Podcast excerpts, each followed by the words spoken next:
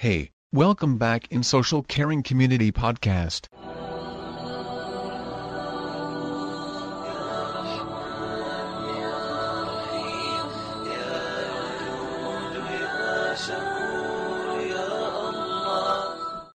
Untukmu pemuda, masa depan bangsa ditentukan oleh para generasi muda, karena pemuda adalah ujung tombak kemajuan dan pembangunan bangsa. Generasi muda dengan fisiknya yang kuat, pengetahuannya yang inovatif, serta kreativitas yang tinggi disebut sebagai agen perubahan, aktor pembangunan. Baik buruknya suatu negara dapat dinilai dari kualitas pemudanya. Oleh karena itu, tanpa adanya peranan pemuda Indonesia, maka bangsa Indonesia akan mengalami kesulitan dalam berbagai hal. So, bagi kita pemuda saat ini, kita harus menempa diri kita, mengasah passion kita supaya kita bisa menebarkan manfaat seluas-luasnya untuk Indonesia. Banyak pemuda yang ingin mengubah dunia, ingin mengubah Indonesia, tapi mereka belum sadar bahwa perubahan itu mulai dari diri sendiri. Sebagai pemuda, kita memiliki bekal yang luar biasa yang dititipkan oleh Tuhan. Oleh karena itu, mulai dari sekarang kita harus bisa mengubah diri kita lebih baik. Don't be perfect, but be better every day. Setiap hari kita harus mengasah skill kita, kemudian mengembangkan potensi yang ada, serta lebih melebarkan sayap manfaat bagi sesama. Dimulai dari meluruskan niat, kemudian mengubah kebiasaan-kebiasaan negatif menjadi kebiasaan positif, serta bagaimana agar kita bisa memberikan manfaat yang lebih besar.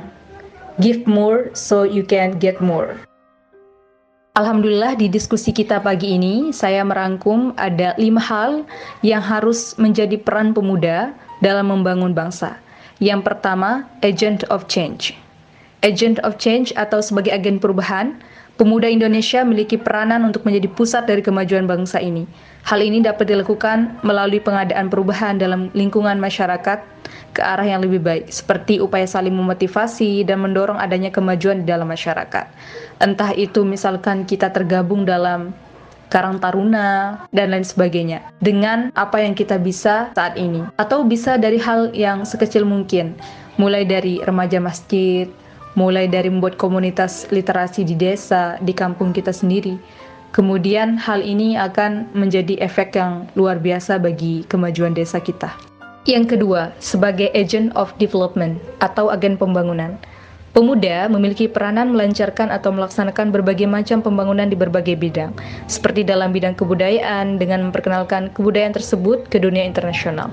Atau misalkan pemuda sudah mendapatkan skill pekerjaan yang sudah stabil, entah itu misalkan menjadi tenaga medis yang saat ini masih terus berjuang untuk melawan COVID-19 menjadi garda terdepan, entah itu menjadi guru atau profesi-profesi lainnya. Oleh karena itu, tidak hanya menjadi agent of change, namun kita mengembangkan mengembangkan sesuatu yang perlu ditingkatkan lagi kualitasnya supaya Indonesia lebih baik lagi.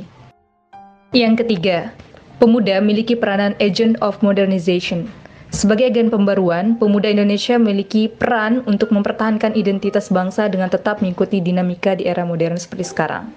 Misalnya dengan berkembang pesatnya teknologi di Indonesia yang semakin luar biasa dahsyat dalam berbagai bidang dapat menjadikan bangsa Indonesia sebagai bangsa yang tidak tertinggal dalam bidang teknologi.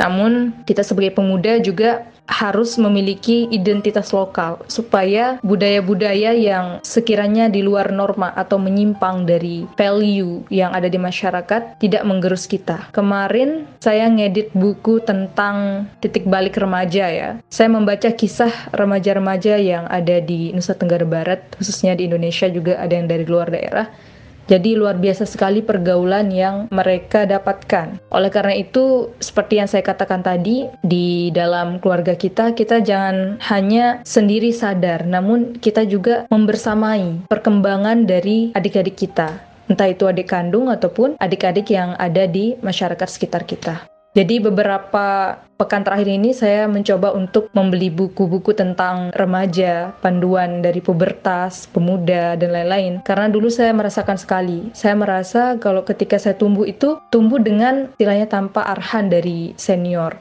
tanpa arahan dari orang tua. Karena mungkin berbeda orang tua ya berbeda ini ya, berbeda cara cara parentingnya.